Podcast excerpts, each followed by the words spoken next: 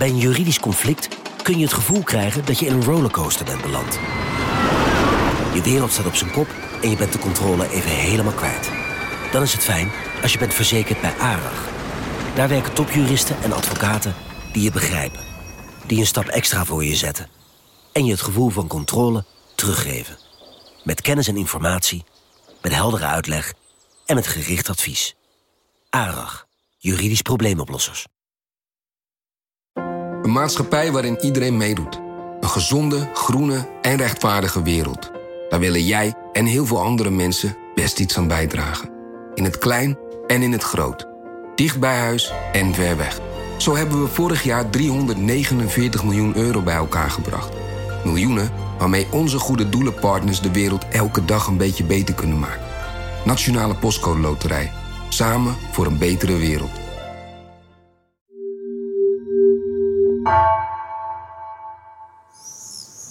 When exactly did you come to Belgium? Um, the first time, I think, in 2008 9 for preparing a play I did about Rwanda. And then I stayed for several reasons. So I co produced many times and I started to plays here. Op een zonnige avond, aan het begin van de zomer, zitten Gabriella en ik met Milo Rauw op het dakterras van NT Gent, het Gentse Stadstheater.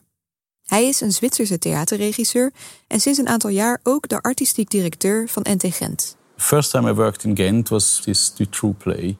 Inmiddels vijf jaar geleden maakte Rauw een voorstelling over Dutroux. In het toneelstuk Easy Pieces speelden kinderen de zaak na. Ze vertolkten zelf de rollen van de ontvoerde en vermoorde kinderen. Maar bijvoorbeeld ook van de vader van Dutroux of de agenten in de zaak. Wie ben jij? Sabine, Sabine. En waar ben jij? in de kelder van Marke Dutroux. Anne en Eefje zijn verdoofd en levend begraven.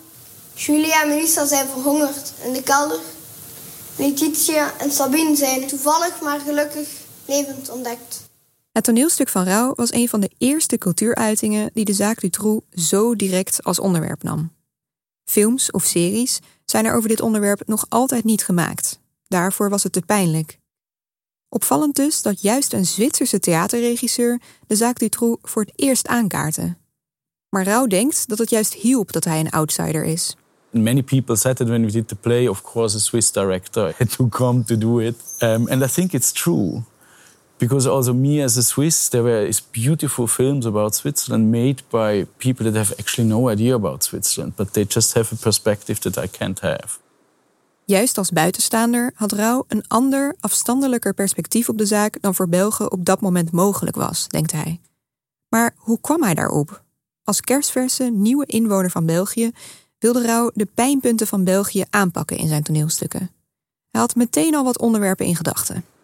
Topics like, I don't know, pedophilia, jihadists, uh, a government that's not working, the Congo, you know. En toen hij vervolgens gevraagd werd een kindervoorstelling in België te maken, wist hij het direct. It's a very uh, simple algebra. It's you have Belgium and they propose to do a children play, and I think everybody in Europe would immediately think on the true. I mean, besides the beer and you know, the chocolate.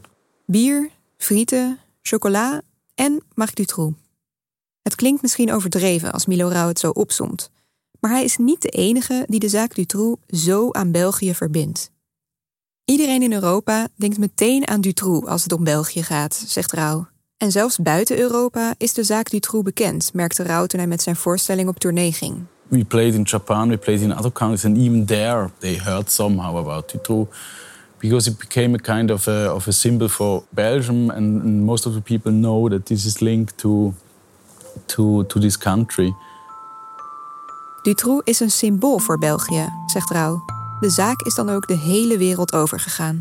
Las dos niñas de 8 años fueron secuestradas en junio de 95 en Gras-Sologne. Découvrant l'horreur, la Belgique chavire alors entre la peine et la colère. Das Leiden der Mädchen erschüttert die Belgier und das Ausland. Children continue to go missing in Belgium. Dutroux's arrest has made no difference. Maar ook bij de Belgen zelf zit de zaak in het collectief geheugen. Voor de research van zijn toneelstuk ondervroeg Rauw Belgen. Wat zijn voor hun iconische momenten als Belg? When they felt Belgium, when they had the impression, ah, okay, this is a Belgian topic. There was uh, the Red Devils, the football, and there was the White March. De Rode Duivels dus en de Witte Mars. We weten al wat de zaak Dutroux in heel praktische zin deed met opgroeiende kinderen, met politie, justitie en media. Maar de ervaring van Milo Rauw toont nog iets anders. De zaak Dutroux werd in de loop der jaren een symbool voor België. Iets wat in een toneelstuk over België niet kon missen. En wat ook voor de Belgen zelf een symbool werd van Belg zijn. In deze aflevering gaan we op zoek naar het grotere plaatje.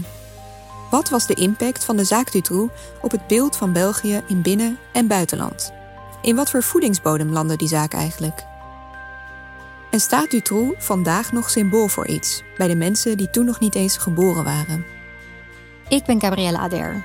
Ik ben Anouk van Kampen en dit is de podcast De Schaduw van Dutroux. Aflevering 4, De Belgische ziekte. Fijn dat je luistert naar De Schaduw van Dutroux. Wil je deze en de volgende afleveringen verder luisteren? Nederlandse luisteraars doen dat via de podcast-app van NRC. Belgische luisteraars via die van de Standaard. Daarvoor heb je geen abonnement nodig, dus luister snel verder.